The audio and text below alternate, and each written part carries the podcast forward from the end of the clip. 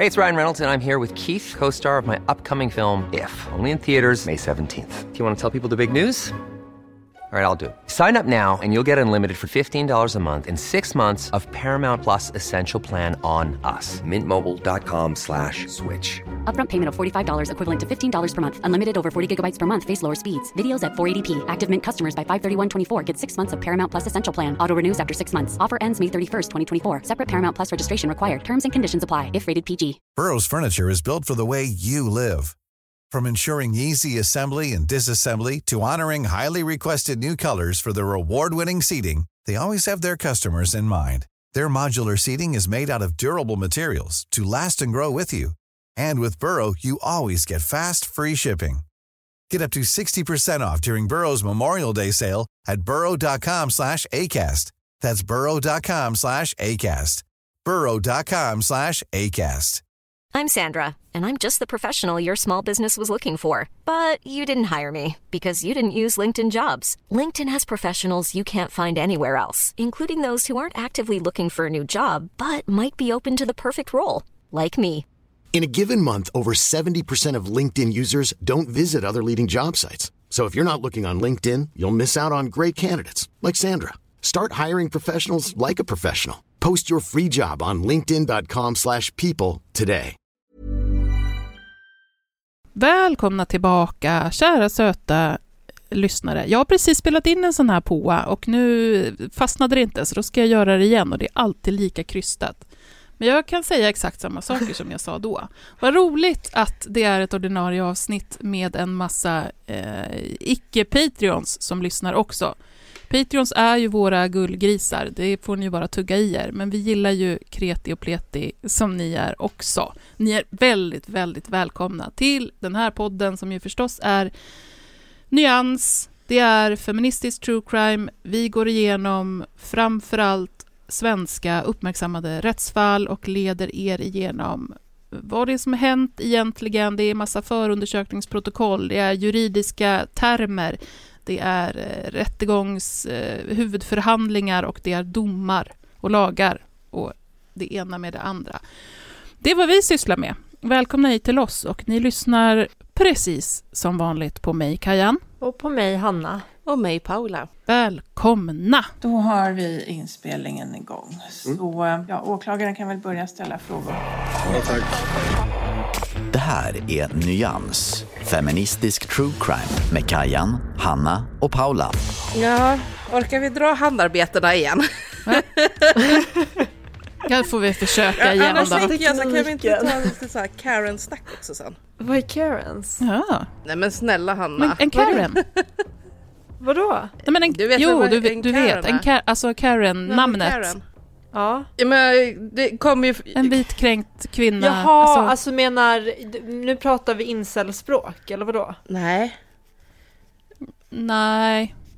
Karens är ju typ, har ju varit framförallt där, det, det finns Karens i alla folkgrupper, men framförallt så här, vita kvinnor som tycker att de ska ha undantagsregler och I wanna speak to the manager. Jag vet aldrig såna här förkortningar och specialord för grejer. Man brukar kalla, en, kalla någon för en Karen om det liksom är en... en ofta så här, stereotypbilden är ju en vit eh, medelålders kvinna eh, i lite piffig frisyr och ett pärlhalsband som känner sig väldigt kränkt och påhoppad av framförallt rasifierade personer Okej. och då gärna vill ringa polisen. Ja men okej, jag vill prata om Karens. Det lät mycket mer spännande än handarbete. En Karen stories. Nej men för att jag, jag var ju tatuerare mig och eh, hade bokat in en heldagssittning för typ två, tre månader sedan på Inkbar i, i Göteborg. Ligger vid Järntorget. Och där var jag lite så här full i skratt, för då var det en, eh, en mamma som var med sin dotter, som dottern skulle tatuera sig. Eh, och eh, innan de dök upp så eh, kom den som skulle tatuera dem och pratade lite grann och sa om att det var jättepressat tidsschema. För att det hade blivit liksom så här, ja, tajt bokat helt enkelt. Så de hade inte Mm. supermycket tid på sig när tatueringarna skulle komma och därför var det lite så att, ja, se till, se till så fort kunden kommer så att jag kan liksom dra igång och vi måste verkligen liksom så här få det här att rulla. Eh, Och sen när han väl börjar tatuera den här dottern så är mamman och pratar hela tiden och pratar hela tiden med honom. Åh, vad hemskt. Och tatueringen var liksom på sån eh, plats också så, att han behövde ju fokusera jättemycket för att inte någonting skulle bli fel. Eh, för det var en som skulle tatueras över revbenen så att eh, då måste det ju matchas med andningen och sådär liksom. Ja, det känns som ett yrke som det, där det är bra att, att kunna koncentrera Ja. sig och fokusera Ja. generellt. Så till, till sist så, det sitter ju en, som, en snubbe som sköter bland annat bokningarna och liksom och håller fräscht i studion på stora hela och sådär. Och han visste ju liksom så att det kommer ju fler. Det här började dra ut på tiden, så efter ett tag så gick han till sist och sa det bara att alltså, jag måste tyvärr be er att snälla kan ni gå och sätta er i soffan istället, för att hon hade någon kompis med sig också. Ehm, och liksom så här, för att bara, jag, jag förstår liksom att när vi pratar så här, men tyvärr så eh, stör det lite för mycket just nu för tatueraren. Och han måste få göra klart det här för att det kommer fler kunder och vi har lite ont om tid så att det, det funkar liksom inte att det här drar ut på tiden. Eh, ganska rimlig liksom tillsägelse tyckte jag. Han han liksom var jättemjuk när han sa det och verkligen liksom så här, jag är jätteledsen att jag behöver säga till och jag menar verkligen ingenting ont men vi, vi måste liksom få ihop det här. Och Proffsigt och bra och sen hör jag, för vi hade lite paus då för att jag skulle få sträcka på benen och Alex skulle få rätta på ryggen och lite sådär under tatueringen. Och då råkade jag, för en ganska, just den Inkbar är en väldigt liten studio, så att man kan liksom inte röra, röra sig så mycket i själva studion så när man, när man väntar. Så att då stod jag liksom precis bredvid henne, den här mamman, när hon typ började skälla på den här killen i kassan när de var färdiga. Eh, och hon skulle gå. För att det var så otroligt otrevligt bemötande tyckte hon. Att han hade sagt till dem att de inte kunde stå och prata med tatueraren hela tiden. Eh, och att hon eh, tog upp det och tyckte att han får, han kan inte säga så, man måste liksom så här planera i så fall tatuerandet på ett något annat sätt och bla bla bla. Och jag kände bara verkligen, det var så, så himla Karen över det. Men alltså, jag, skämtar alltså, jag, jag sa absolut ingenting. Nej, men alltså inombords, det enda jag tänkte var ju så här bara, fan, hade jag varit honom, jag hade ju bara sagt så att ja, absolut, vi kan lösa det. Ehm, men då får du betala för en timme Ja, till. ja, då får du bet- om du vill Så kan ni få tjattra så mycket du vill, då lägger vi på en timme på priset bara. Ja, ja, ja, ja, men alltså det är ju inte det man, man betalar ju för att få sin tatuering, inte att sitta och prata. Nej, och man betalar ju per timme. Jag Ja. som hade bokat en heldagssittning, Ja. eh, jag betalade ju för sju timmar tatuering. Ja, ja, men då har jag också, jag har en, en till Karen. Eh, det här var min, min Mm. granne eh, som på, vi, det, det var när jag bodde i Solna, nu har vi precis flyttat, men där, så på innergården så var det någon hund som hade bajsat på någonstans, eller liksom på gräset. Och det kan man ju bli lite irriterad på. Och då hade den här grannen satt upp en skylt. Eh, där det stod, jag kommer inte exakt ihåg vad det stod, men typ så här eh, hundbajs eller någonting. Någon, någon, det var någonting, det var lite aggressiv skylt. Och en pil på, till, på bajset liksom mot det. I papper hade de byggt liksom en skylt och satt upp. Okej, och sen går, och den här skylten den står där, sen vet, det börjar regna och grejer, tänker jag så okej nu måste den ju försvinna den här skylten. Bajset försvann inte utan det var kvar tillsammans med den här skylten. Sen helt plötsligt så kommer det en plastficka över skylten. Så att den blir liksom byggs på så att den ska hålla för liksom väder, och vind och rusk. Väder och vind. Ja, nej men den är där i flera, alltså den är där i flera månader, jag har fotograferat det här. Så att jag brukar skicka till min kompis Helena ehm, den, här, den här bajskorven med den här skylten. Det kände jag är en Karen. Jag tror att Jack, Jacke skulle nog säga, vi har precis haft en disk- diskussion här om, alltså det är snarlikt, det är inte riktigt likadant, men det är, på våran gård så är det någon person som har eh, bakom ett litet staket och staketet är mitt på gården så det är liksom inte så att man inte går förbi det utan det är liksom ehm, men en person har börjat slänga sopor där Ja, istället för Ja. sop... ja. Ja. Så liksom mi- mitt på vår innergård så är det liksom, först bara en soppåse och sen kommer en till. Och då är det ju en så här, för jag tänker så här, arga lapp-personer, de är nästan en egen kategori. För här var det då en granne som skrev, jag la ut det här, alltså det var den mastodontigaste arga lapp jag någonsin har varit med om. Den var också inplastad, jag tror den var laminerad. och så var den också uppsatt precis bredvid och där, där de informerade om att eh, att man hade minsann översikt över gården, eh, att eh, om man ser att det här händer igen så ska den här grannen som skrev lappen visa att vi minsann är flera som kan kasta sopor eh, och sikta väldigt noggrant. Jag var Ah. väldigt, väldigt arg, men det var ju liksom bara, det var ju roligt. Men alltså ser ni här, ser ni den här bilden? Går det att se? Om du, Jag ser lite mark. om Det är du drar, snö. går ut lite från kameran kanske. Ja, där är snö. Ja, och så Ja. den där skylten Och där. någonting som Är det sticker upp. lappen? Ja, det står hundskit. det här är snö. Det här kom liksom på alltså typ sensommar. Nu är det snö. Och den här Ja. lappen sitter kvar. Och det, bajskorven Men alltså, är ju har- begraven har de lyck- för länge sedan. Väldigt roligt. Eh, Ja, för, eh, när det kommer till sådana här grejer, så när folk bara är allmänt dumma i huvudet, så en sån här sak som jag stör mig otroligt på, det är ju folk som plockar upp hundbajs i plastpåse och sen bara släpper pla- plastpåsen bredvid eh, liksom där man går.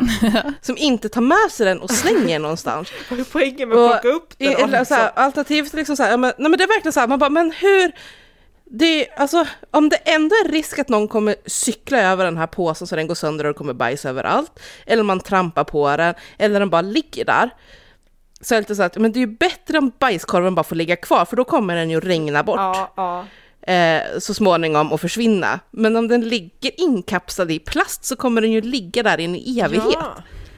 Men okej hörni, Det är så jävla dumt! ska vi, ska, vi, ska vi prata om lite eh, true crime också? Vi ska prata om lite, vi ska gå från bajs till ett väldigt, väldigt bajsigt beteende. Nyans. Feministisk true crime med Kajan, Hanna och Paula. Ja, dagens fall då hörni. Vi har döpt det till Allt för en Canada Goose. Det här är ett, åh, det är ett stort fall. Det, ni kommer höra och förstå. Det är också ganska så speciellt för att det kommer vara lite uppdelat. Jag ska gå igenom det här alldeles snart. Men de källor som jag har är en, en ganska kraftig FUP, förundersökningsprotokoll. Det är också en tingsrättsdom på det här fallet. Sen finns det också en tingsrättsdom och en hovrättsdom. Ehm, jag ska förklara det här snart. Och eh, jag har lyssnat på ljudupptagningar från rätten också och läst lite eh, artiklar som inte är någonting jag kommer hänvisa till specifikt. De inblandade personerna, det är ganska många, så håll i er. Vi har ett brottsoffer som vi kallar för Sebastian. Sen har vi två förövare. Eh, ja, som sagt, jag förklarar det här snart. Två förövare, eh, Issa el och Vincent Bjelk. Sen finns det på förövarsidan även tre personer till. Ehm, vi kallar dem för Nils och Andreas och även en man som vi kallar för Göran som figurerar som lite i periferin, en äldre man som agerar chaufför och sådär. Men de här omständigheterna då, till varför det här är ett speciellt fall.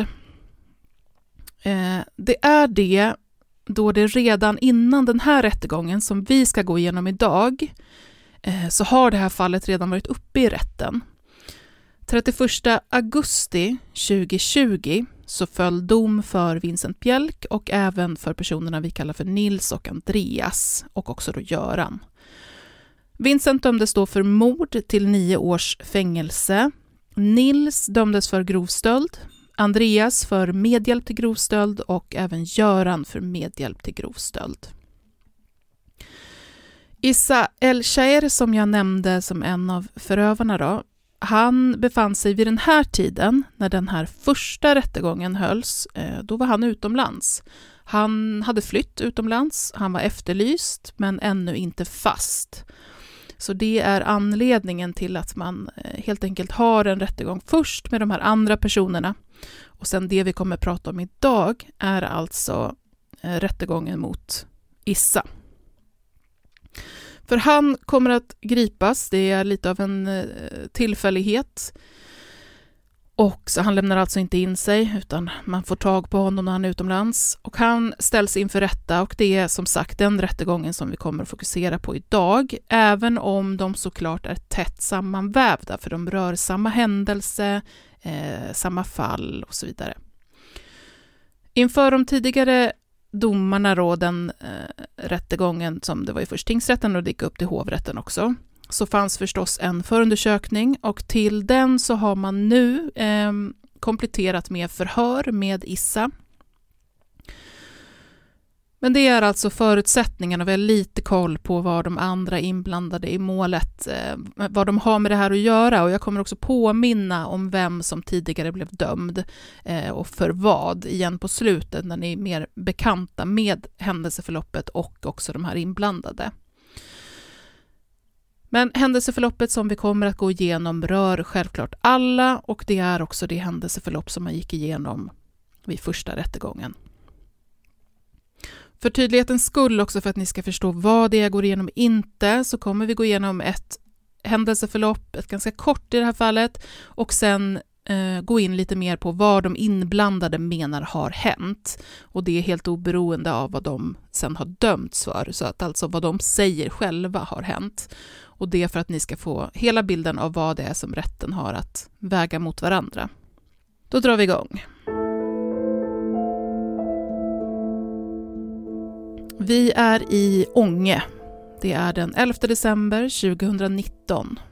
Klockan är kvart över tolv på natten och SOS får ett samtal. Inringarna är två unga män som berättar om hur de kommit in till sin kompis. Det är Sebastian, 20 år. De har kommit in i hans hem och funnit honom medvetslös. De berättar för operatören hur Sebastian är tejpad över kroppen och även över ansikte och hals. Men de berättar också att de genom den genomskinliga tejpen kan se att han har kräkts och de tycker att han är väldigt blå. De två männen, som alltså är de som vi kallar för Nils och Andreas, blir instruerade att göra HLR. Då har de lyckats få bort den här tejpen som eh, täcker munnen genom att hämta en sax i köket och klippa upp den. De får frågan av operatören om de har sett vad som har hänt med Sebastian och varför han är tejpad, men de svarar nej, det har de inte. Men de tycker att det ser ut som att det varit inbrott i huset också, berättar de. De här två inringarna säger att Sebastian inte reagerar när de gnuggar honom över bröstet. De får liksom instruktion om att gnugga hårt med, med knogarna så att det ska liksom göra ont för att då se om man får en reaktion, men de får inte det. Och de uppger också att de inte tycker att han andas. Ambulans kommer till platsen och tar över de livräddande åtgärderna, men Sebastians liv kommer inte gå att rädda. Rättsläkaren kommer att konstatera att eh, dödsorsaken är kvävning. Man kan även se att eh, en del, inte jättemycket, men en del maginnehåll har kommit ner i lungorna. Det vi eh, pratar om som aspiration. Och det finns också en del skador, inte jättemycket heller, men en del till följd av trubbigt våld. Man kan bland annat se en, en blödning i ena tinningen. På platsen då så grips inledningsvis både Nils och Andreas och det efter att de börjat berätta lite mer för polisen om vad det är som hänt. De har bland annat sagt att de fått ett meddelande från eh, Sebastian tidigare på kvällen om att han var hotad av två unga män med vapen och att han ville att Nils och Andreas skulle komma och hjälpa honom. Det här kommer att vara rörigt nog ändå, så jag ska försöka göra det så enkelt som möjligt um, och, och sammanfatta så här. Vi vet att Nils och Andreas, eh, det vill säga de här två inringarna, de är vänner. Vi vet också att Nils dessutom är vän med Sebastian eh, sen tidigare. Sebastian bor hemma hos sin pappa i ett hus i Ånge Ehm, och det är där det här utspelar sig alltså. Vid tiden har en annan kompis till Nils, det här är Issa, eh, kommit upp för att hälsa på. Han bor i Malmö i vanliga fall och har tagit tåget upp. Och alla de här personerna har lite olika grader av inblandning i, i kriminalitet eller har haft och nyttjar även droger eller har gjort. Så att vi befinner oss alltså uppe i Ånge och Issa har kommit upp för att hälsa på sin vän Nils och bor också hemma hos honom ett tag. Och efter några dagar så kommer Issas kompis Vincent, även han från Malmö. Han kommer också upp och hälsa på. Och tanken då var att de skulle umgås, men också att de skulle stjäla lite, ja, lite billjus och, och andra saker. Göra lite telefonbedrägerier och sånt. Vincent kommer också att bo hemma hos Nils och de eh, hinner vara där i ungefär en vecka innan den här händelsen. Kvällen i fråga då är Sebastian hemma i sitt hus. Eh, han är hemma själv, men han har bjudit dit en kompis på middag. Eh, den här kompisen är inte namngiven av oss, för han kommer inte figurera sen, utan vi kallar honom bara för eh, Sebastians kompis här.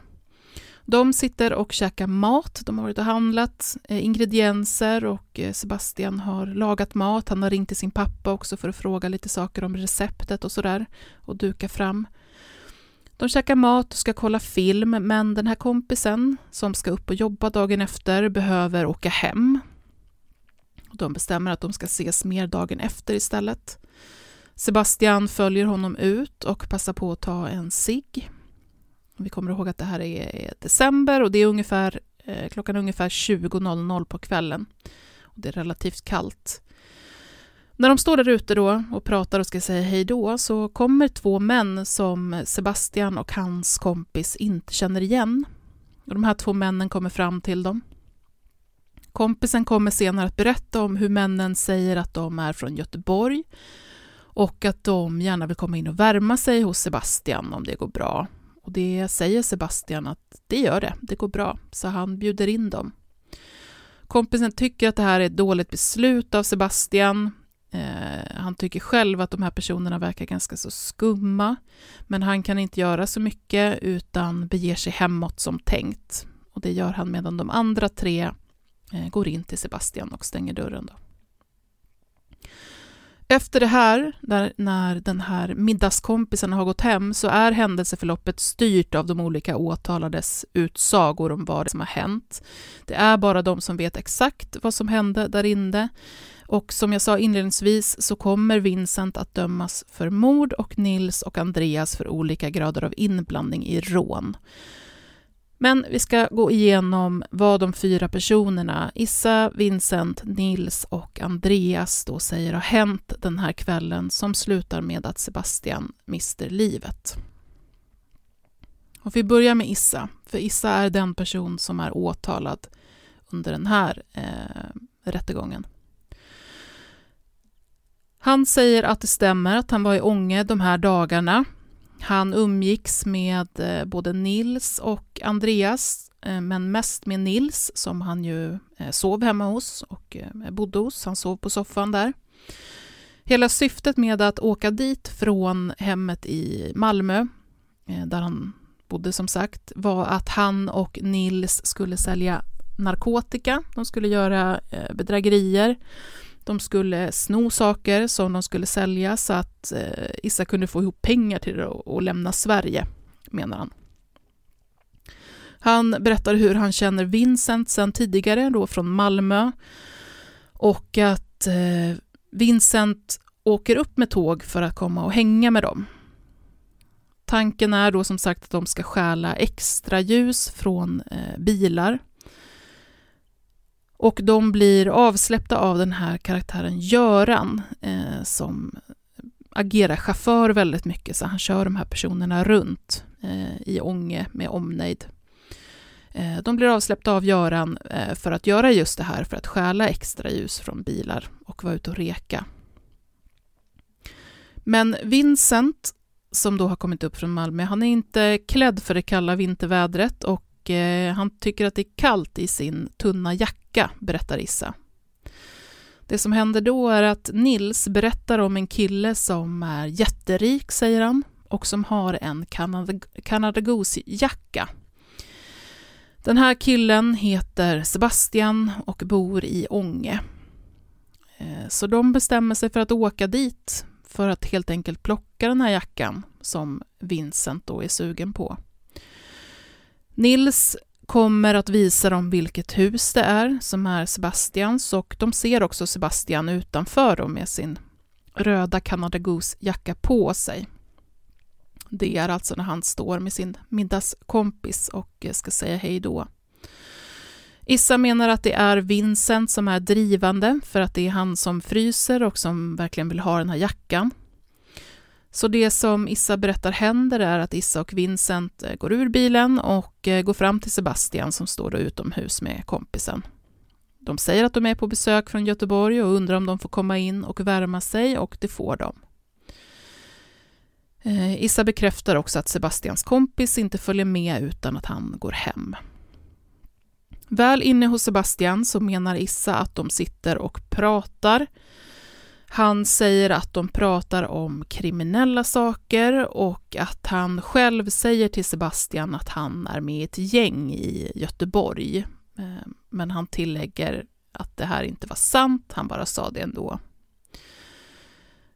Issa fortsätter att berätta att Vincent eh, vid en tidpunkt lämnar vardagsrummet och att han sen kommer tillbaka med en tejprulle.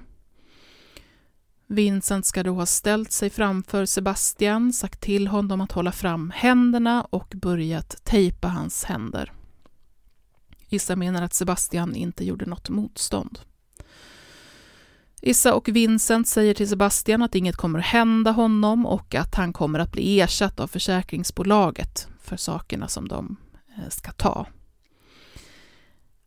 Vincent tar in Sebastian i badrummet medan Issa går upp till övervåningen och börjar söka igenom huset på, efter saker att sno. Och under tiden så får han ett samtal från Nils som eh, vill höra hur allting går. Och när Issa kommer ner igen till, till markplan så ser hon att Vincent har varit med Sebastian hela tiden, där vid badrummet. Issa kommer att filma. Eh, vid ett tillfälle så filmar han Sebastian som då ligger på golvet i badrummet med tejpade händer, tejpade fötter och med ett eh, tyg där han tycker att det ser ut som ett örngott eller en t-shirt eh, som täcker huvudet. Och den här videon skickar han till Nils via Snapchat. Och syftet med det här är att få dit Nils och Andreas så att de ska hjälpa till med de stulna grejerna och bära bort dem. Issa säger att Sebastian rörde sig ehm, på golvet där under tiden som han filmade honom och han säger också att om han hade vetat att Sebastian var tejpad i ansiktet så hade han tagit bort tejpen, men han visste inte det eftersom att ansiktet och huvudet var täckt av den här Eh, tyget, t-shirten. Issa berättar vidare att Nils och Andreas kommer till huset och de alla hjälps åt att bära bort de här sakerna de skulle sno. Det var lite väskor fyllda med grejer, en dator, en skärm och så vidare. Issa säger också att han sa till de andra att eh, de måste skynda sig därifrån för att eh, Sebastian snart skulle börja skrika. Och först senare när de sitter i bilen som Göran då har kommit med på väg därifrån så menar han att Vincent sa att han också hade tejpat Sebastians ansikte. Det här var inget som Issa såg eller var med på menar han, utan han får veta det i bilen. Under natten eller dagen efter menar Issa att han får höra att Sebastian har dött och enligt honom så är allt som har skett egentligen Nils fel eftersom det var Nils som berättade att Sebastian hade en Canada Goose-jacka och det var också han som pekade ut huset. Efter det här då, de eh, åker tillbaka till Nils lägenhet och, och lämnar grejer. Eh, och dagen efter sen så kommer Issa och Vincent att fly landet. De eh, får skjuts till tåget, de åker till Arlanda och de drar helt enkelt. Ehm, eftersom det är Issa vi ska fokusera på nu så kan vi säga att han åkte först till Egypten och sen vidare till Libanon. Eh, han hade släkt i områdena där och det kändes naturligt för honom att åka dit. Och när han har lämnat landet och efter så börjar han också vara aktiv på Flashback. Han hittar tråden där man skriver om det här mordet och han blev provocerad av vad som skrevs där och säger att han ville provocera tillbaka. Han skrev bland annat saker som att det var bra att eh, Sebastian dog, att ingen kommer att få fast Issa eh, eftersom att han är utomlands, han kommer stanna där och så vidare och så vidare. Han skriver en hel del saker. Eh, det är också en del hot mot eh, andra personer som också kommer bli en åtalspunkt, men vi kan komma in på det sen om det blir eh, läge. Kortfattat om de andra tre, Vincent, Nils och Andreas och vad de säger har hänt. Det är så oerhört mycket här att vi inte kan gå igenom alla detaljer, utan det här blir mest så att ni ska få en bild av vem som tycker att vem har varit ansvarig och så vidare. Så de här eh, tre personerna då, de har ju också redan dömts. Eh, Vincent, han berättar hur han åkte upp till Issa i Ånge eh, för att han var trött på Malmö, hur han också bodde hemma hos Nils. Han säger att de började prata om Sebastian som någon sa hade en fest den här kvällen och någon berättade också hur Sebastian kunde bli vimsig när han drack. Tanken var då att de skulle åka hem till honom, ta den här Canada Goose-jackan som de visste att han hade och också passa på att ta lite andra grejer. Han säger att först var han och Issa där själva, de blev inbjudna, de hängde lite, han tyckte det var ganska tråkigt och långdraget så han, eh, Vincent då gick på toaletten. Eh, på toaletten så skulle han gå på toa, men på toalocket så låg det en, en eh, tröja, en röd t-shirt som han fick lov att ta i och flytta på för att kunna använda toaletten. När han var klar på toa så tog han Canada Goose-jackan som då hängde i hallen och så gick han ut och ställde sig och rökte flera cigaretter på rad och han lyssnade på musik utanför.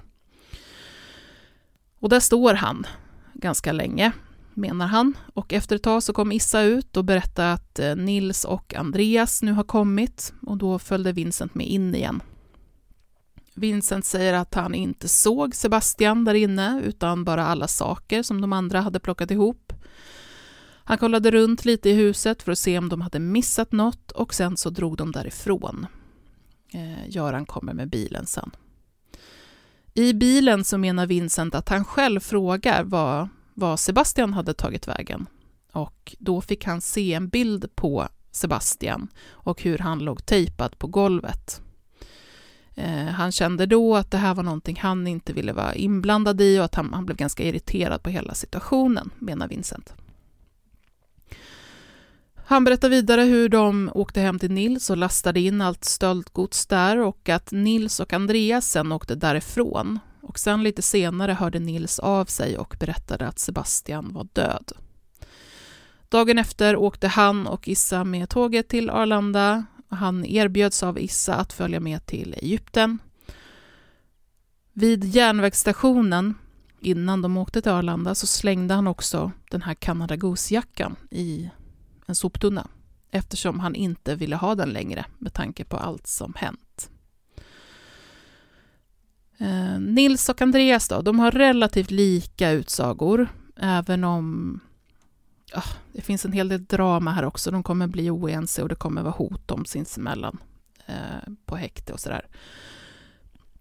Men i stora drag så, så har de relativt lika linje. Eh, det handlar om att Nils hade Issa på besök. Eh, som sagt så kommer även Vincent dit efter ett tag. Alla de här fyra hade lite olika eh, samtal om kriminella handlingar, som då att de skulle reka för att sno extra ljus från bilar, så det här var både Nils och Andreas också inblandade i. Nils berättar om hur Vincent var intresserad av en Canada Goose-jacka och han säger också att han själv berättade om att Sebastian, som alltså var hans vän, hade en sån och eh, även att han var rik efter ett arv som han hade fått. Han säger att det också var han som visade eh, Issa och Vincent var Sebastian bodde, vilket som var hans hus.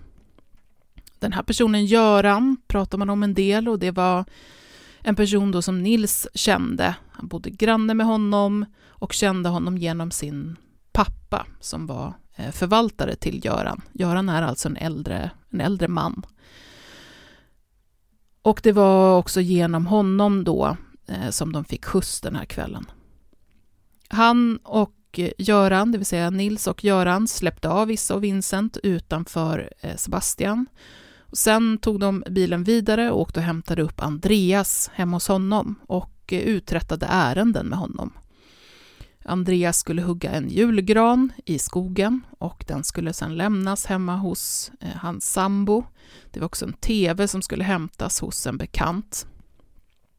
Under tiden medan de är runt och, och um, gör de här ärendena så får Nils ett samtal från Sebastian. Sebastian säger att det är två snubbar med vapen hemma hos honom och att de är hotfulla mot honom. Och nu vill Sebastian att Nils ska samla ihop flera killar och komma och hjälpa honom. Nils berättar för Andreas om det här, men sen fortsätter de med ärendena. I samband med det här eh, samtalet som Sebastian ringer till Nils så eh, swishar också Sebastian tusen kronor till Nils, som man kan förstå ska vara som en ersättning då för att de ska komma och hjälpa honom. Men Nils och Andreas fortsätter alltså med sina ärenden eh, och till slut så börjar det via Snapchat komma hotelser från Issa, berättar de. Det var videoklipp på Sebastian som då var tejpad och bunden tillsammans med hot om att samma sak skulle hända eh, Nils och Andreas om de inte kom dit och hjälpte till att länsa huset. Och till slut så gör de det, trots att Andreas säger att han inte ville. Han säger att Nils övertalar honom om att hjälpa till. När Nils och Andreas kommer till huset så berättar de hur Issa visar dem Eh, Sebastian som då ligger på badrumsgolvet. Då är klockan 22.25 på kvällen och eh, de kommer säga att Sebastian ligger helt stilla. De kan dock inte se hans ansikte då eftersom han har den här röda t-shirten täckt över huvudet. Sen får de instruktioner, menar de, om att bära ut grejer till bilen, alltså stöldgods, som Göran eh, ska frakta bort med bilen. De gör återigen som de blir tillsagda och åker sen hem mot Nils igen. I bilen på vägen sitter Issa och Vincent och pratar om hur de har tejpat Sebastian Andreas berättar hur Issa och Vincent pratar om att de också har misshandlat Sebastian och att det hela var citat lättare än ett telefonjobb. Slutcitat. Nils och Andreas kommer att berätta att de här blir, de blir oroliga här eh, när de hör om misshandel och tejpning och eh, kommer överens om att de ska åka tillbaka hem till Sebastians hus och hjälpa honom Eh, de ska bara lämna av stöldgodset först och sen så ska de åka dit. Så de åker iväg, de kommer stanna till hos Andreas på vägen för att han ska byta om. Han är blöt om fötter och byxor efter att han har varit i skogen och huggit den här julgranen. Och efter det så åker de sen tillbaka till Sebastian. Den här gången är Göran inte med utan de kör bil själva. Och när de då kommer in i huset så ser de Sebastian på golvet i hallen. De ser att han är blå och han har tejp som sitter väldigt hårt och täcker nästan hela ansiktet.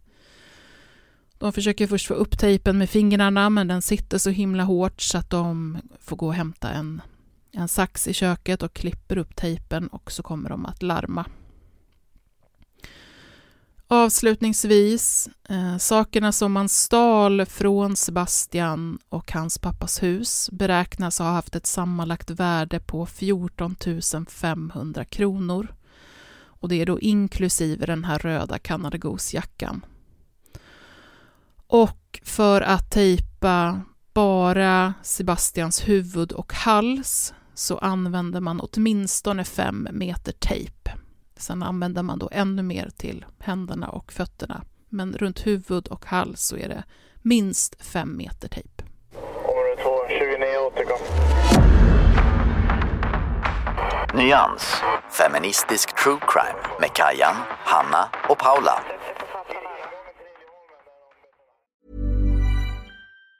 Planning for your next trip? Elevate your travel style with Quince. Quince has all the jet setting essentials you'll want for your next getaway, like European linen, premium luggage options, buttery soft Italian leather bags, and so much more. And it's all priced at 50 to 80% less than similar brands. Plus, Quince only works with factories that use safe and ethical manufacturing practices. Pack your bags with high-quality essentials you'll be wearing for vacations to come with Quince. Go to quince.com slash trip for free shipping and 365-day returns. Hiring for your small business? If you're not looking for professionals on LinkedIn, you're looking in the wrong place. That's like looking for your car keys in a fish tank. LinkedIn helps you hire professionals you can't find anywhere else, even those who aren't actively searching for a new job but might be open to the perfect role. In a given month, over 70% of LinkedIn users don't even visit other leading job sites. So start looking in the right place. With LinkedIn, you can hire professionals like a professional. Post your free job on linkedin.com slash people today.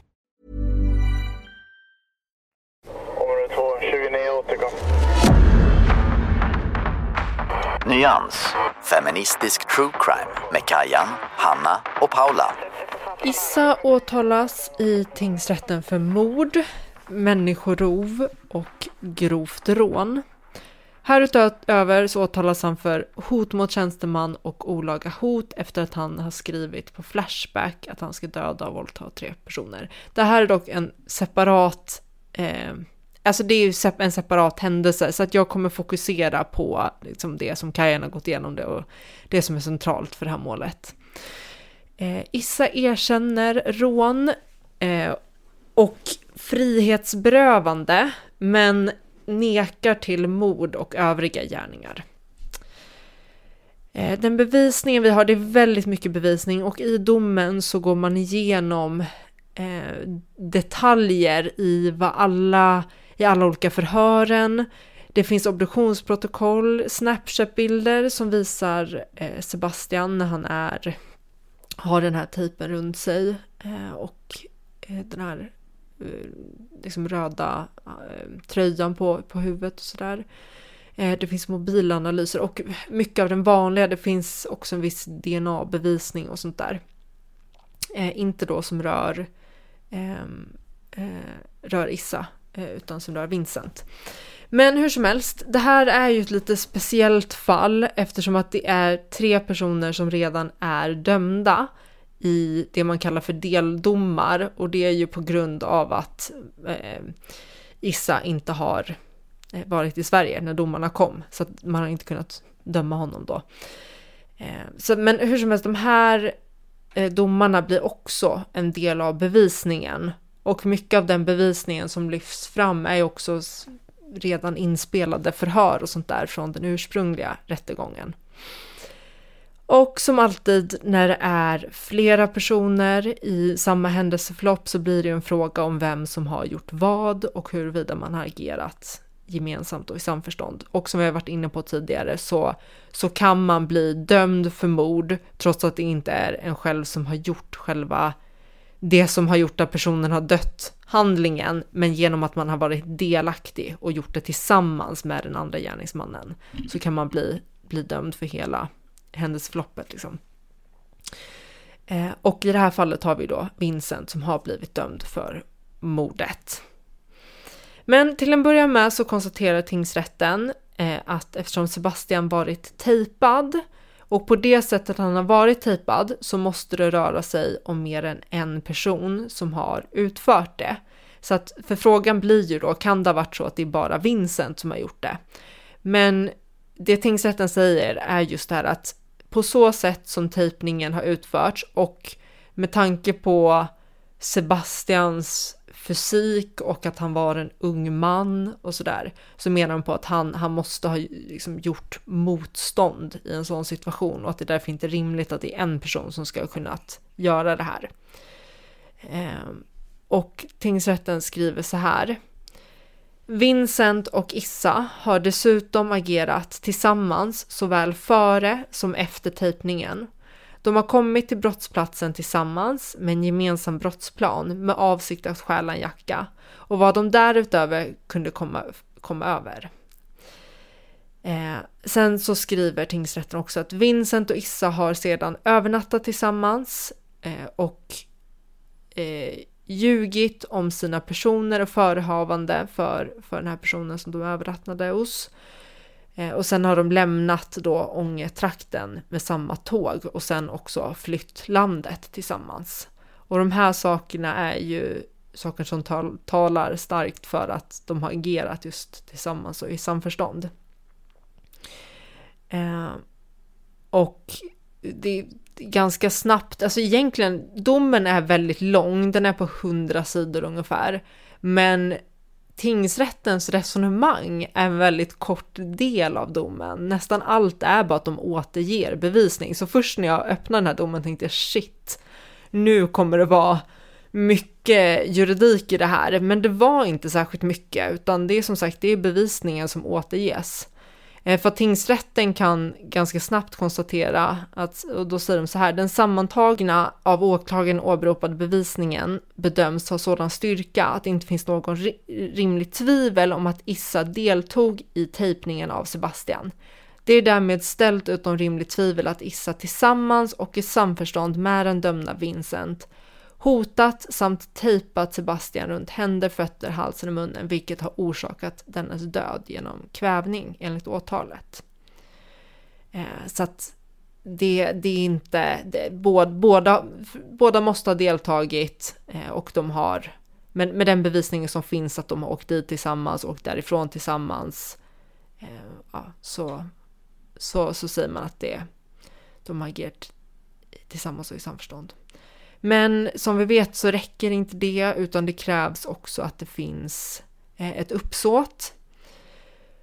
Och när det kommer till uppsåtsfrågan så är det främst likgiltighetsuppsåt som, som eller det är det som, som tingsrätten menar att det här handlar om och de skriver så här. Det finns inget som talar för att Issa har handlat med ett avsiktsuppsåt till mord.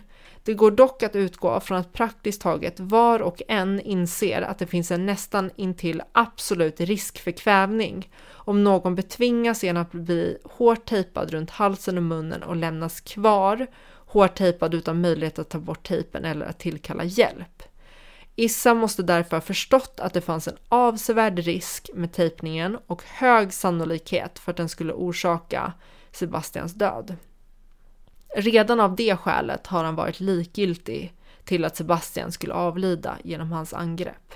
Det har dessutom använts en överdrivet stor mängd tejp, som kan jag berätta var det ju fem meter bara runt liksom hals och mun.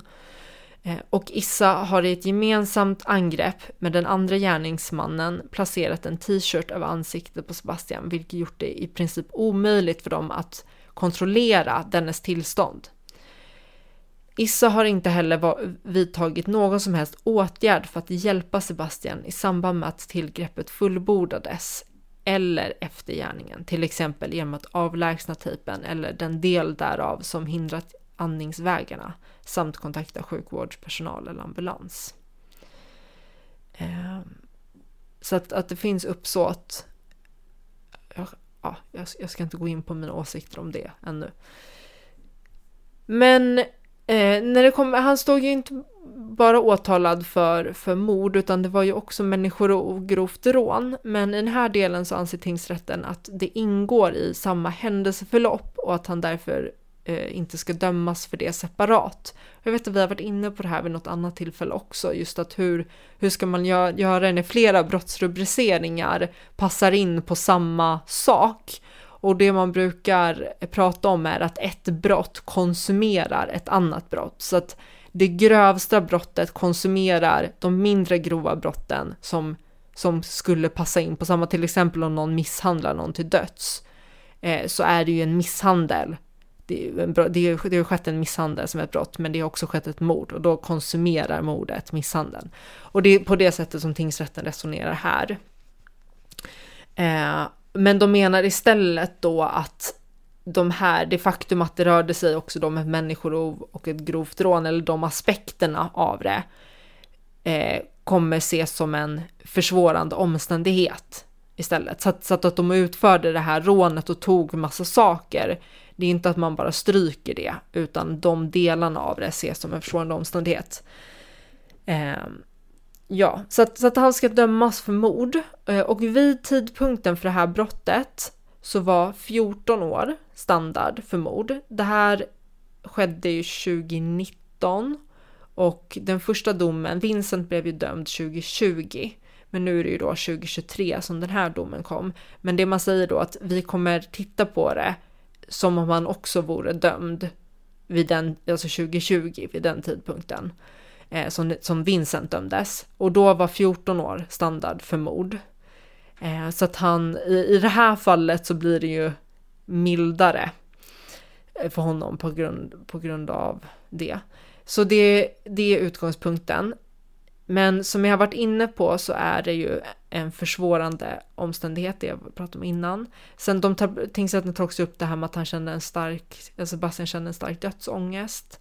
Och att de har varit särskilt hänsynslösa genom att, som tingsrätten skriver, lämna Sebastian liggandes på golvet in, invid en toalett med en t-shirt över huvudet. Och att gärningen då avslutas med att de tillsammans eh, stulit Sebastians egendom och jacka. Eh, och de avslutar med att konstatera att det är dock inte utrett att Issa har varit den som faktiskt har utfört tejpningen. Omständigheterna är så försvårande eh, att straffvärdet för gärningen är fängelse i 16 år. Så att det här eh, bedöms som 16 år.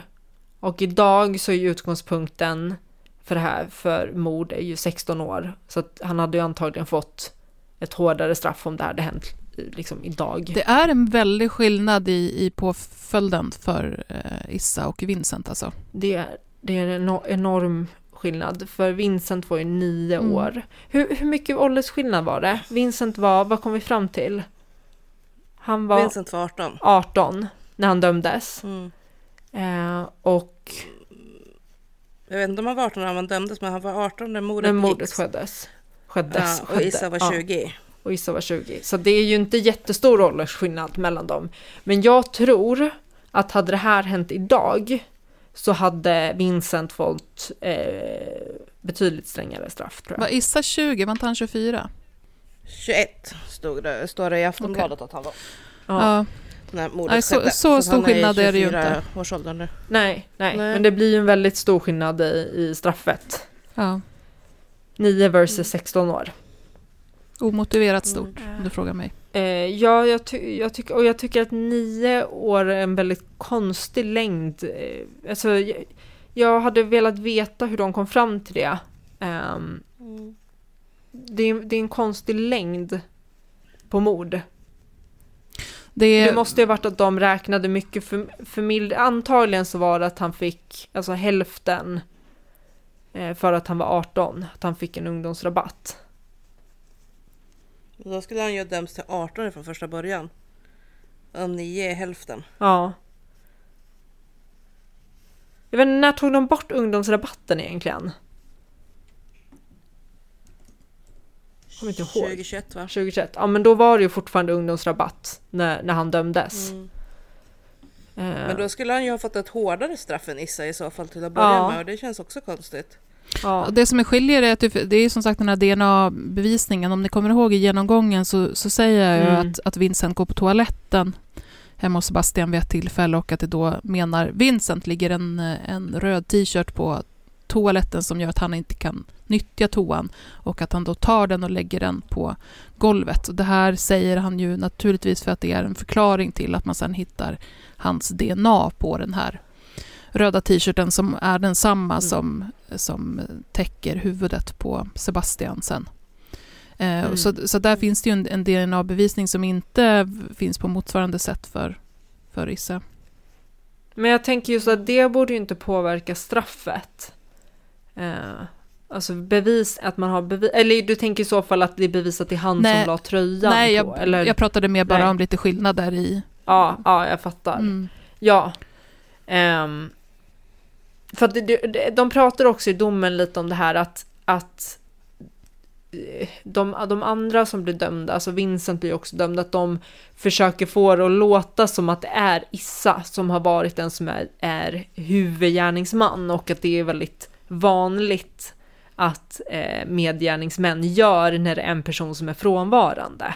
Att man gärna vill liksom lägga över skulden på det. Så, att, så tingsrätten sig, köper inte det på något sätt att det är Issa som skulle ha varit den som har drivit på hårdare. Nej. Och att det vore någon förklaring till strängare, att han skulle få ett strängare straff. Eh, så, att, så att den biten är det ju inte. Man kan ju också säga att förhörsmässigt så är ehm, både Issa och Vincent är ju väldigt, eh, ska vi säga, sparsmakade vid Mm. att svara på frågor i förhören. Men där Issa i alla fall svarar på, på några frågor eh, och Vincent säger genomgående i sina förhör inga kommentarer eh, Mm. till någonting. Mm. Ja, Japp. men eh, Paula, det finns ju lite mer skillnader va? Område 2, 29 återkom. Nyans. Feministisk true crime med Kajan, Hanna och Paula. Mm, precis. Eh, vi, vi kan ju börja med det faktum här att vi har ju suttit idag och dividerat lite fram och tillbaka hur vi skulle göra med förövarnas namn. Mm. Och där vi vi helt enkelt har eh, resonerat fram till någonstans att ja, men, är det myndiga personer som har begått brott och där det inte känns som att det finns något skäl till att avstå från att säga vad de hette. Eh, till exempel att vi vill försöka maximera att hålla ett offer anonymt till exempel. Då hittar vi ibland på eh, andra namn än för förövarna. Eh, så, så tycker vi så, men då säger vi namnet liksom. Och när det kommer till det här eh, fallet så Issa har ju i princip all media namngivit hur mycket som helst. Eh, han, I och med att han var efterlyst där också under flera år så har han ju namngivits långt innan han ens åtalades, än mindre dömdes för det här. Eh, med eh, artiklar om, eh, ja till exempel då när han hade börjat skriva på Flashback och man därför hade lite spår på att han skulle befinna sig i Libanon och sådär. Då kom det ju mycket artiklar med namn och bild på honom eh, och vad han hade för sig liksom. Medan Vincent har man inte namngivit.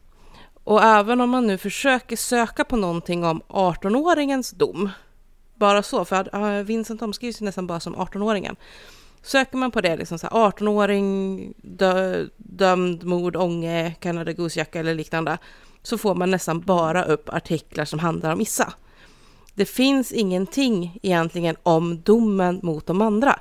Det är jätte, jättesvårt att försöka hitta någonting om Alltså, bara hitt- den domen. Nej, alltså jag hittade, jag tror att det var en Aftonbladet-artikel. Men det var, då var det ju liksom stort uppslag om Issa och mycket text om honom. Och så var det liksom en mening inbäddat att en medgärningsman dömts till nio års fängelse för mordet. Ingenting mer än så i princip. Nej, det, det är bara liksom det jag hittar också i princip. Att, så, alltså, när han var på rymmen, då eh, fortfarande, då står det ju liksom inom parentes här eller där om att ja, den andra eh, 18-åringen dömdes nio års fängelse. Inom en liten parentes typ. Och sen eh, när Issa nu väl dömdes så är det också liksom i någon sån här, antingen en liten faktaruta då, att den här 18-åringen dömdes nio års fängelse. Eh, men annars är det rätt tyst. Och ehm, vi har liksom så suttit och dividerat fram och tillbaka. så Var, varför? Det finns ju liksom... Jag kan inte hitta någonting som tyder på något skäl till varför man inte skulle kunna namnge den här 18-åringen. Ehm, som som sagt ändå var myndig när brottet begicks, blev dömd, ehm, sitter av sin tid just nu. Och ändå väljer man att inte namnge honom. Medan man namnger Issa precis överallt. Och jag vet definitivt att man har namngivit andra eh, som har dömts för grova brott och som har varit i 18-19 års åldern utan problem med namn och bild. Så det finns, det är liksom inte heller bara så att nej, men han är så pass ung eller någonting som gör, gör den här grejen. Ehm, och även alltså, det här är den här typen av subtil rasism som inte riktigt går att bevisa fullt ut, för det går alltid att försöka hitta ursäkter till Mm. att det är inbildning eller en slump eller whatever.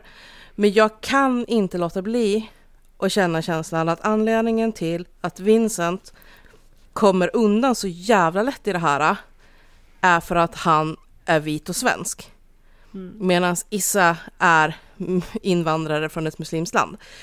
Ehm, kolla, jag kollar också upp lite grann hur har man skrivit om det här på Nasse-sidor. Mm. Alltså typ hur har Petterssons blogg lyft det här? Hur har Nya Tider och Fria Tider och allt vad de här skithögarna Mm. heter lyft det här? Och där är det ju fullt fokus på Issa. Jag Eh, såg också den här man artikeln. nämner- ja. Ja, men nämner ju i princip inte Vincent överhuvudtaget. I, på Petterssons blogg, han vinklade till och med till så här, arab frös, rånmördare för jacka. Eh, och man bara, fast det var ju Vincent som frös och ville ha jackan. Eh, men jag har sett lite andra artiklar också som är, jag tror att det var Expressen bland annat, som också eh, hamnar farligt nära i att få det till att det var Issa som ville ha den här jackan. Mm. Att det var han som var kall, det var han som undrade vad man kunde få tag på en jacka och så vidare. Att man liksom ursäktar bort Vincent ganska mycket. Eh, trots att det som sagt var han som uttryckligen bad om att de skulle hitta någon som hade en Canada Goose-jacka att sno. Mm. Mm. Jag vet inte, jag- blir så jävla förba- förbannad på något sätt Ja. över det faktum Man får att ju det är så alltid ta liksom höjd för att det här det kan vara någonting som vi har missat eh, som motiverar det, men, men jag vet inte vad det skulle vara. Alltså för, bara för att vara tydlig kring hela den här grejen också. Det är inte så att jag på något sätt tycker synd om Issa för den Nej, domen nej. han fick. Jag bara tycker att det är frustrerande att den andra parten i det här som var uppenbart väldigt mycket med på det hela också. Eh, kom, liksom kommer undan så lätt för att man väljer att lägga fokuset på invandrarkillen som lyckades hålla sig undan. För det var ju inte heller så att Vincent inte rymde, han rymde ju också. Ja. ja, ja. De rymde, de rymde ju båda två till Egypten. Mm. Det var ju bara att Issa kom undan där och tog sig vidare medan Vincent åkte fast. Mm. Men man får det verkligen att låta liksom som att det är Issa som är någon form av mastermind som kom på hela plotten om att de skulle sno en jacka och, och drog ut, liksom gick över i att det skulle vara mord, att det var han var den enda som rymde, han var den som kunde hålla sig undan och så vidare. Mm. Eh, Medan den här 18-åringen, eller ja, Vincent då, för att han hela tiden skrivs in som någon form av bisats, blir lite grann stackars lilla killen utan koll som bara råkade dras med i det här. Tror ni att det kan vägas in på något sätt att eh, Issa, när han togs, fortfarande aktivt försökte hålla sig borta, medan Vincent, när han togs, faktiskt var på väg tillbaka till Sverige för att turn himself in? Alltså, Kanske. ja, alltså jag tänker, ja, det, det känns ju i så fall som en sån grej som, jag vet inte. Han har ju samtidigt hållit sig tycker inte- borta väldigt länge, Ja. så det är liksom inte... Det är ju så här, det är ju bra att han gjorde det. Mm. Så här, det är ju absolut bra, men då, då kan de ju skriva om det också då. Mm. Alltså när de pratar om det här och Mm. berättar vad det är som har hänt. Eh, så kan de ju ta upp det. Ja. Men det, det borde de ju göra. Men att, men att vink, vink, nu säger jag inte att de vinklar men det blir ju ändå, om- om, om jag inte hade läst domen, Mm. Då hade ju jag trott att det var Issa som var huvudpersonen och drivande. Mm. Eh, och jag hade nog inte, knappt noterat den här Vincent. Just det. Mm. Och det, det är ju inte det, alltså om man läser domen så är det ju inte på det sättet. Det är ju inte det tingsrätten kommer fram Nej. till. De är ju båda lika Mm. aktiva i det här. Mm. Mm. Alltså jag vet ju när jag skrev om att oh, vi borde göra den här Canada Goose-domen eftersom den väl alltså, fått så himla mycket uppmärksamhet. Då trodde jag att han var själv. Mm. Ja. Att, Trodde jag eh, också. att den här, eh, att det stod någonting i någon bisats där om att en 18-åring också hade blivit dömd. Så jag tänkte jag, ja men det är någon stackare som var, var en innocent by- bystander som blivit dömd för medhjälp eller någonting. det. Men det, känd, det var verkligen liksom upplevt som man fick känslan av att nej men det var han som gjorde allt.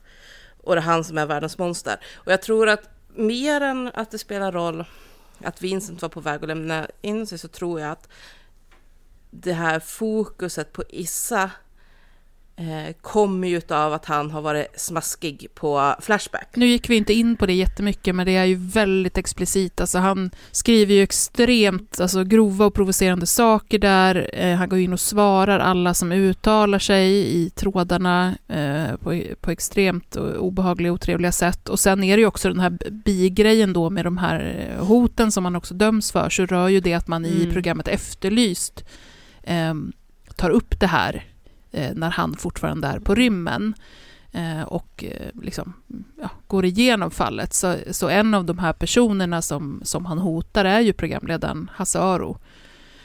Eh, och sen så är det en annan polisman och sen så är det också en, en psykolog som är med som expert i programmet och, och uttalar sig. Så det, ju, det finns ju väldigt mycket kring honom, precis som du säger, just i snaskighetsgrad på, på Flashback som man liksom Mm. kan hitta.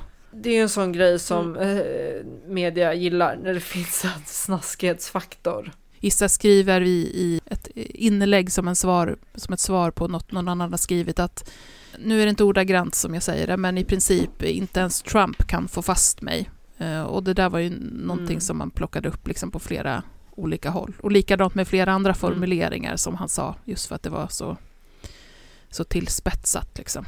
Han hade ju också skrivit på, på Flashback saker som att han är en äkta sadist eller psykopat, eh, att han är helt jävla sjuk i huvudet, eh, att han vill mörda igen tror jag det var någonting om också, lite sådana här grejer. Så att han, men han har ju varit kontroversiell till och med för Flashback. Och det, det är ju sånt som är lockande för media och då blir det ju mer så. Och det gör ju också att när skuld ska fördelas i det här så blir det väl ganska naturligt att folk tänker då att den här eh, snubben som sitter på Flashback och skryter om vilken eh, empatistörd jävel han är kommer vara den som måste ha varit den mer drivande och våldsam och den som bär det största ansvaret för det här versus snubben som sysslade med schack. Mm. Ja. För det är typ den enda information jag har kunnat Ja. hitta om Vincent utöver det som står i fuppen. Lite så här, ja, han höll på med schack. Mm. Ja, men står ju ingenting. Liksom. Ja, Ja. lite tillägg till vår liksom diskussion om det här med, med hur olika man, man dömer om eh, Vincent och Issa. Då.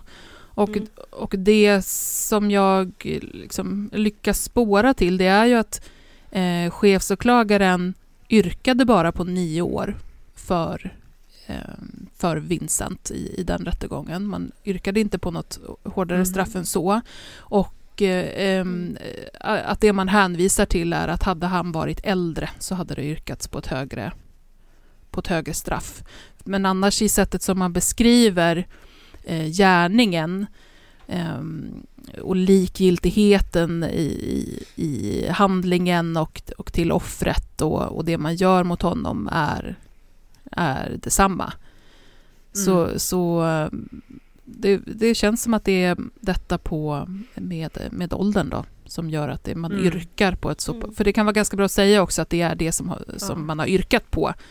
Eh, Så att det inte enbart är liksom, eh, rätten som sätter ett betydligt lägre än det som åklagaren Mm. önskar. Ska vi Men säga. det makes sense. Så har vi rätt ut det. Och sen apropå det här med namn, vilka namn vi använder och sånt, så märkte ni ju att Eh, för Nils och Andreas och även för Göran, de döms ju också för brott. Eh, men där har vi ändå gjort bedömningen att de har ju dömts för inte ett så pass grovt brott som mord, som är sånt som vi liksom brukar prata om i podden, utan här rör det ju till exempel medhjälp till rån och sånt där. Och då tycker vi att i det här sammanhanget så, så kan det räcka med att man liksom figurerar med det som man har gjort och att man kan få ett eh, fingerat namn. Då. Det, har vi, det är ju en diskussion som vi inte har tagit upp så jättemycket i podden tidigare, va? hur vi resonerar kring namnpubliceringar Nej, och sådär. jag tror inte det. Ja. Men vi pratar ju mycket om det liksom bakom kulisserna Ja, precis. eh, emellanåt, liksom, hur vi ska tänka och göra. Och det blir lätt att man tänker då att Vi lyssnarna... diskuterar väl lite i eh, True Crime Gone Bad, diskuterade vi lite runt det. Bland annat, så vi har, jag tror vi har lyft det lite granna, men inte så... Just det. Jag tror inte att det skadar att vi går in på det med jämna mellanrum ändå, hur vi tänker kring de etiska delarna. Precis. Både vad gäller namn och också detaljer kring offer och Mm. sånt där också. Att vi ju ständigt har den diskussionen också, vad vi ska ta med och vad vi ska lämna ut och Mm.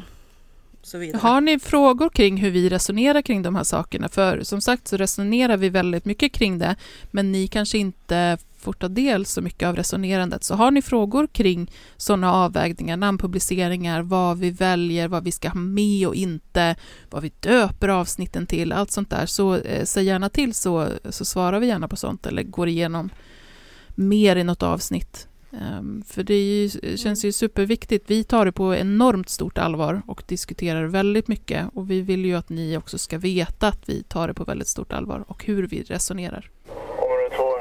Område 2, 29 återkom. Nyans, feministisk true crime med Kajan, Hanna och Paula. Då kan jag också tillägga att vi håller ju också efter varandra. Ja, Alltså, eh, jag la ju ut någonting vid något tillfälle från Fuppen till exempel. eh, Som såg bra ut när jag la ut det och det kändes bra i, i huvudet där en stund. Men sen när man såg det liksom från läsarsidan på Instagram så jag tror det var du Kajan som reagerade först liksom att nej men vänta, det känns ändå skav på något sätt. Och då kan vi ta och diskutera, bara, nej men vi, vi tar faktiskt bort det här äh, inlägget igen. För det, det blev nog inte lika bra som man tänkte sig det innan man la ut det. Ehm, Det är det som är så Så bra om man var tre. också så. Ja. Eh, mm, Just det här med att ibland så vet man ju inte heller vad det är, ibland bara känner man att det är något skav. Och då kan man få hjälp med att så här, men vänta, va- varför känns det här konstigt Ja. liksom? Var, varför känner jag mig tvek inför det här, man inte riktigt kan sätta fingret på det? också att vi är tre Eh, personer som har så, mm. så pass mycket respekt för varandras, alltså både magkänsla men också liksom analyser och sånt. Eh, Mm. av allting, så att man kan Mm. vara till de andra att hörni, fan jag känner no- det är någonting med det här eh, som, och att man inte är rädd för att säga det. Det är någonting med det här som skaver Mm. lite i mig, jag vet Mm. inte vad det är, kan vi hjälpas åt att nysta i det och sen se vad vi tänker Mm. eller liksom Mm.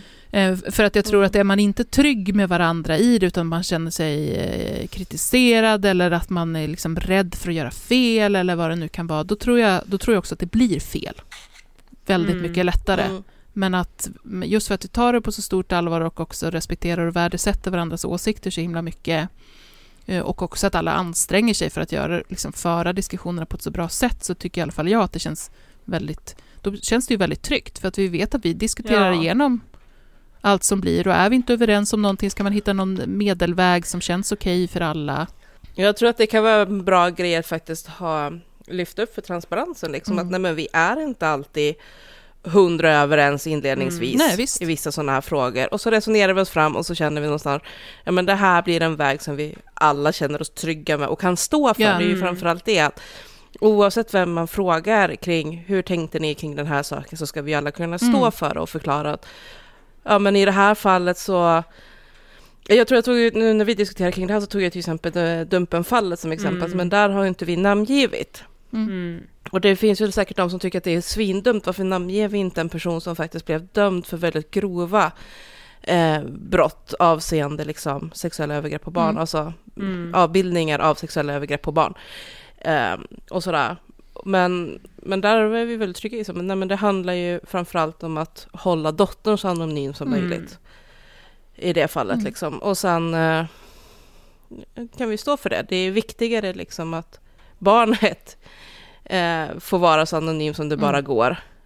Än att folk ska kunna hata på pappan Mm.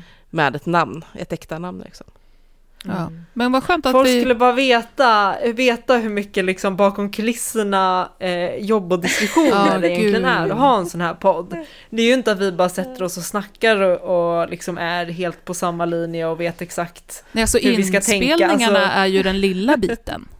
Ja, ja, det är ju liksom Eh, the easy part. Ja, ja, det är ju liksom grädden uppe på. Sen har vi ju stått med Ja. bakpulver och mjöl och vispar och liksom bränt grejer i ugnen och kastat ut. Och...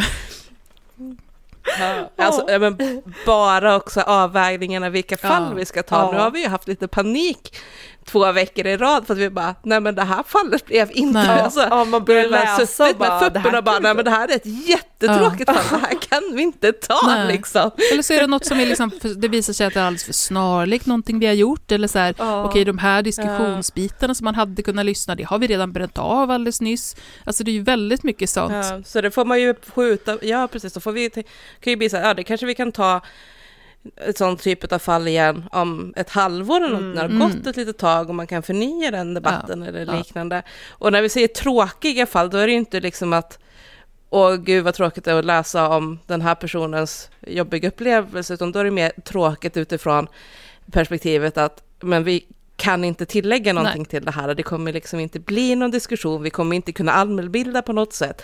På det sättet ett, ett tråkigt fall, för att det, Det säger sig självt. det är så kort händelseförlopp Ja. och det är så och Ja. jättesjälvklar dom och så vidare. Och så blir det så bara, ah, nej men okej, jättebra, vi bränner av det här på tio Ja, minuter, vi exakt. har ingenting Så att här, säga. Juridiken, ingenting. Så här, bara, Nej men precis, och det, tänk, Ja. det här tänker jag, i sådana fall hade man kunnat göra om det finns här, ska vi säga citat snaskiga detaljer i fallen. Om man hade varit en sån podd som bara liksom hade tryck på det, att vi vill att ni ska lyssna på fall för att så här, ja, vi berättar om om snaskiga grejer i en misshandel eller så här, de- detaljer som sticker ut. Eller, Men det är ju inte det vi gör, utan vi, vi, vi lyfter ju de fallen där vi tycker att ah, här finns det grejer, det här vet nog folk, känner nog kanske inte de flesta till. Här har det blivit en, en intressant diskussion i rätten, eller här kan vi bidra med nya eh, eh, liksom, Mm. perspektiv och diskussioner. Det är ju det vi vill göra.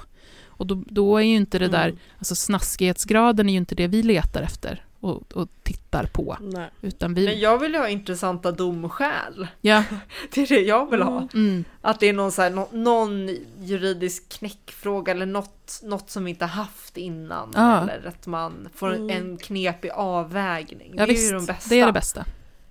Mm. Helt klart. Åh, gud, jag väntar fortfarande på den där jäkla HD-domen om, om man kan döma till våldtäkt för att någon i efterhand tyckte att skälet inte var, Ja. det, var- de hade inte gett samtycke till Ja. rätt orsak. Oh, så Alltså, det finns intressant. så Det ska bli många- så jävla Ja. intressant när den domen kommer. Vi har så många intressanta domar in the pipeline som vi väntar på. Ja. Mm. Och som alltid, och det säger vi Mm. kanske inte heller tillräckligt ofta, ni får, har ni sett något fall där ni är så här, det här var så sjukt intressant, men jag har inte läst jättemycket, Mm. eller inte tillräckligt mycket om det i media eller har ni något sånt så ni får alltid Mm. tipsa oss. Alltså det trillar ju in då och då Ja. på Instagram och sånt där, men det finns ju alltid öppet för att ni ska Mm. få säga, fan det här fallet tycker jag är så jävla intressant och Och spännande. det behöver inte vara mord liksom. Det Nej. kan ju vara andra eh, brottsrubriceringar som är intressanta. Visst.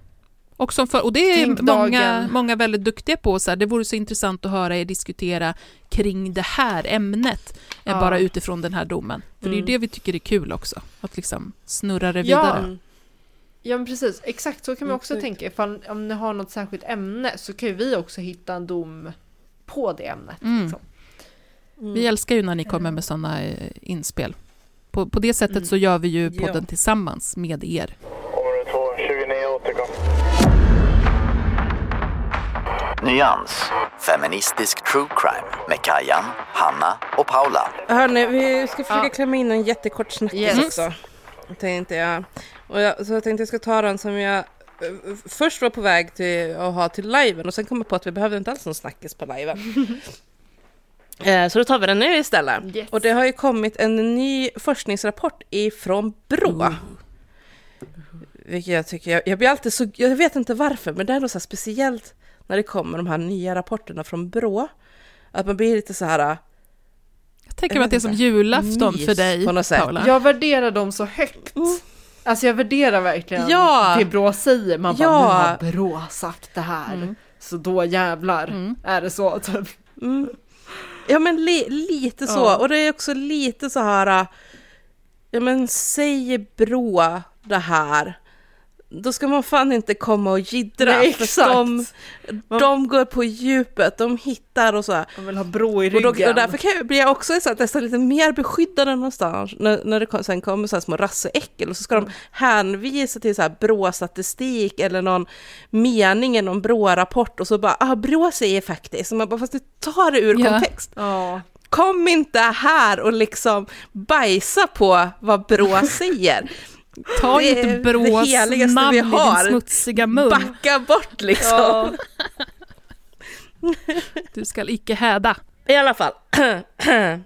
De har då kommit med en ny forskningsrapport som är då om polisens arbete med profilering och likabehandling. Och den publicerades för fyra dagar sedan. När blir det? Det är måndag idag, fredags. Det är bra när man är på gång. Ehm, och den heter alltså Polisens arbete med profilering och likabehandling för den som eventuellt själv vill leta upp. Och det här är rätt intressant tycker jag.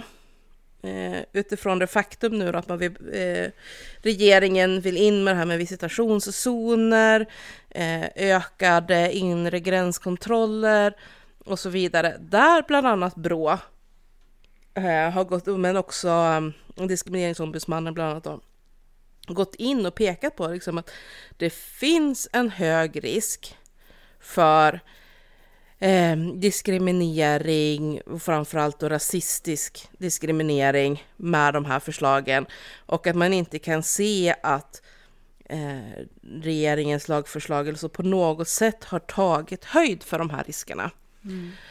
Eh, och regeringens svar på det har i princip varit så här bara, nej men polisen får inte diskriminera. Och bara, ah, okej, ja det är bra. Ja. Det, det, det står på ett papper, de får Ja. inte diskriminera så därför händer det inte. Mm. Men då har Brå tittat på det här, hur det ser ut redan nu. Eh, med med det, de regler som finns för närvarande så att säga. Och där har man kunnat konstatera att unga män med utländsk bakgrund eh, blir, jag höll på att säga naturligt vis, eh, mer misstänkta som kriminella. Så de stoppas oftare, eh, visiteras oftare, tas in för förhör oftare. Ja, men överlag har polisen efter sig mycket oftare. Man säger från polisens sida själva att det saknas en vägledning för hur profilering ska gå till, som man wingar, för att det finns ingenting uppstyrt egentligen. Man konstaterar att nyexade poliser har betydligt mer bias när de går ut. De är mycket mer tydligt diskriminerande i hur de gör sin profilering. Medan poliser som har jobbat länge i yrket och därmed också då naturligtvis sett mer och kanske också då kunna se liksom att den här ty- mer det, det är unga invandrarkillar som är problemet-känslan, den eh, naggas lite i kanten, om man ska säga, när man helt enkelt har jobbat ganska många år i polisen och stött på eh, bus ifrån alla typer av etniska grupper och från de flesta eh, samhällsklasser också. Eh, man konstaterar också att när en polis går in med en väldigt tydlig upps, liksom, uppstolpad eh, motivering, alltså verkligen kan säga så här, det här är varför jag anser att du behöver kontrolleras och kan motivera sig, så sker mycket mindre tvångsåtgärder. Ehm, att personen som blir stoppad, som blir visiterad eller intagen för förhör eller liknande är mer samarbetsvillig när det redan från början finns tydliga motiveringar från polisen. Medan när polisen stoppar och är mer luddig i sina misstankar så sker också mycket mer motstånd. Folk blir mycket mer förbannade, man måste ta till tvångsåtgärder, vilket då kan vara till exempel att hålla fast, sätta handfängsel, trycka ner i marken eh, och så vidare. Man konstaterar också, man tittar specifikt på det här med visitationszoner, eh, eftersom det nu ligger på regeringens förslag. Och där konstaterar man att poliserna själva som jobbar i yttre tjänst, alltså sådana som är ute på gatorna i stan, som är, rör sig omkring i samhället, eh, ser inget som helst behov av visitationszoner. Eh, man konstaterar till, alltså själv från polisen att riskerna med diskriminerande behandling är större än vad man kan se att visitationszonerna kommer göra nytta. Eh, och också att det kommer att på, bygga på då eh, ett, eh, alltså, göra det svårare för poliserna att knyta kontakter med civilbefolkningen. Det kommer öka misstänksamheten mellan civilbefolkningen och polis eh, om man har visitationszoner. Mm. Alltså allt det här är ju typ bekräftelse på det vi har sagt. Ja, Eller alltså för att nu låter det kaxigt, men det är ju det här, det är ju typ det här, det är ju ändå det här vi har pratat om. gud ja. De, alla de här Ja. riskerna och de här problemen och, och det blir så tydligt att ehm, det faktiskt, det är liksom, det är helt i linje med det vi har tänkt. Ja, ja, men vi har inte varit ute och cyklat i det här. Brå ger ju bara svart på vitt eh, underlag på att de här förslagen som läggs fram är kontraproduktiva, Mm. rakt igenom populistiska eh, Ja. Förslag. Men det är också så tydligt att så här, det var, det, det, det här har man ju liksom vetat också, det här är ju inte något som är kontroversiellt att de kommer till de här slutsatserna utan det är ju mer så här, ja det är i linje med det vi vet sedan innan typ. Eh, och det vi vet från andra länder. Ja, ja. Eh, så att det blir så tydligt hur, hur regeringen och regeringspartierna, det, det har aldrig handlat om att lösa det här. Nej. Det har handlat om att Mm. straffa och att liksom, ja men att, att ehm, ja men populism och att straffa. Mm. Eh, och då säger jag inte straffa i form av att det ska minska kriminaliteten utan eh, liksom någon slags vedergällningsgrej. Som ska se bra ut för de som vill ja, ha ja, eh, exakt. hämnd och hårdare Exakt. straff. Mm, exakt. Mm. Jag kollar, jag hittade ett, ny, ett ganska nystartat Instagramkonto som heter Kriminologen med två n i slutet. Mhm. Eh, och det var där jag hittade liksom om den här eh, nya studien. Eh, och hen har också lagt till då till den här eh, uh, BRÅ-studien så här med vad säger forskningen? Och lyfter då två olika studier, en från Frankrike som visar att när polisen hade fått befogenheten som man där kallade då för typ stop and searches, eh, att ju fler de stoppade, ju sämre resultat fick de. Nu säger jag att när de bara stoppar lite mer på måfå så stoppar de helt enkelt, eh, vilket också egentligen är ganska logiskt, de stoppar helt enkelt fler personer Mm. som det inte fanns någonting på. Vilket gjorde att polisen la mycket mer energi och tid på att stoppa människor som inte hade någonting fuffens för sig. Istället för att fokusera sig på dem som verkligen begick olagligheter. Ja, nu Eh, och en annan studie från England visade på att det kunde uppstå problematik med att öka befogenhet eh, till ja, typ visitationszoner och liknande då.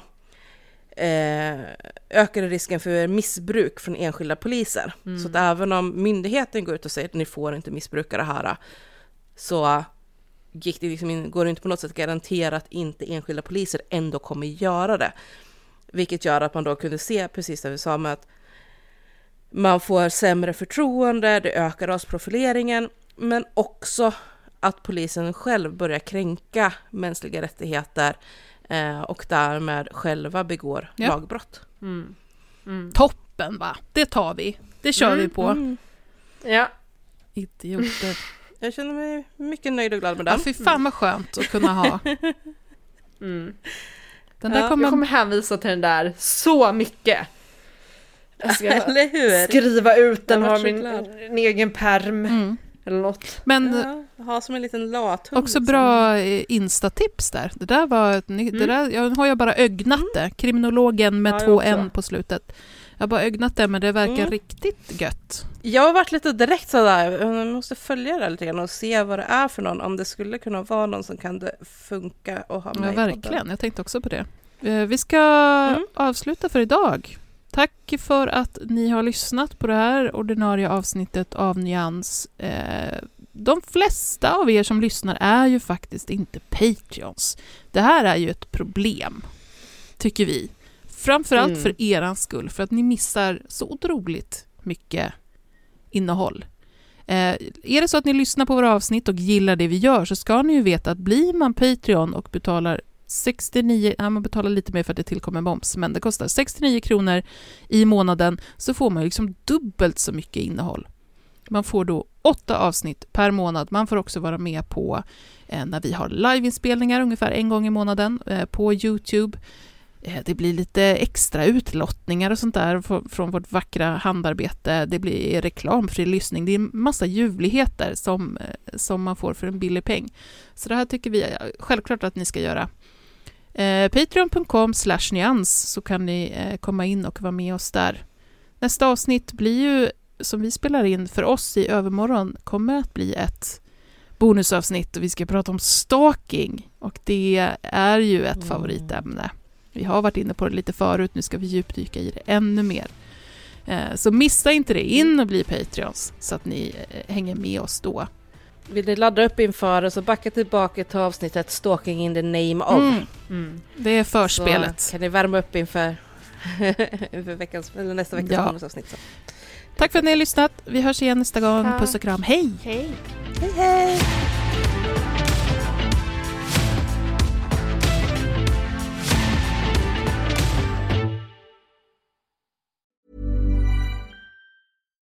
When you make decisions for your company, you look for the no brainers. And if you have a lot of mailing to do, stamps.com is the ultimate no brainer. It streamlines your processes to make your business more efficient, which makes you less busy. Mail checks, invoices, legal documents, and everything you need to keep your business running with stamps.com.